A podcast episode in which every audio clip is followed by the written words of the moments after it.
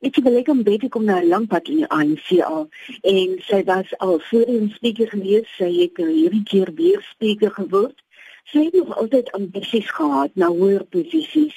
So sy het byvoorbeeld in daardie tyd toe Halima Motlanthe uiteindelik aangewys is as die nege maande waarnemende president in die tyd daartussen Thabo Mbeki en Jacob Zuma toe nou dat Thabo Mbeki uitgeskop is, ons weet sy het daar gemik vir die presidentsie om daai posisie in te kom, maar was baie ongelukkig toe sy dit nie gekry het nie.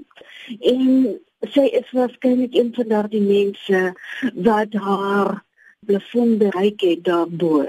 Hoe sterk is Baleka Mbete se steunbasis binne in die ANC en asook moontlike kiesersteun?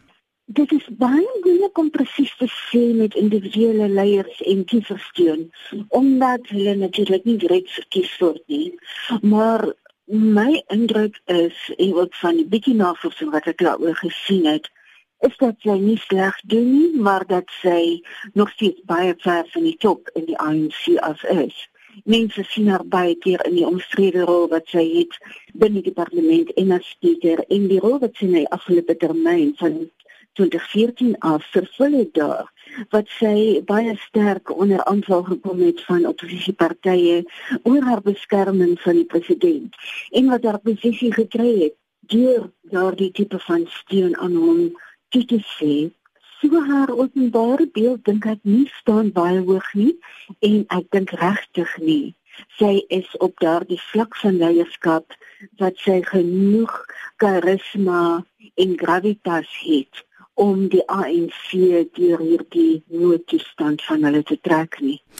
Wie is Mbete se sterkste kompetisie vir die president van die ANC Mbete het baie sterk kompetisie. So sterk dat ek nie kan sien hoe sy dit sal maak vir die topposisie nie. Dis in die twee top aanspraakmakers en hulle is natuurlik Sisi president Cyril Ramaphosa en voormalige minister Nkosazana Dlamini Zuma en AI voorsitter natuurlik. Die ander wat ons van weet is dat Lindiwe Sisulu reeds gesê dat sy ook belangstel ons het gesien dat sy in die naweek kritiek uitlewer op die feit dat dit eintlik 'n twee persoon resies is en sin speel daarop dat faksies werklik baie verminder sal word as dit nie net 'n twee persoon resies is nie. Daar is klaar blyk net nie algemene aanvaarding daarvan dat Kossazana Dlamini Zuma die absolute obvious kandidaat is om die vroulike kandidaat te wees. Daar is dus kompetisie om daardie mantel te dra van wie is die ANC se vroulike kandidaat in hierdie resies.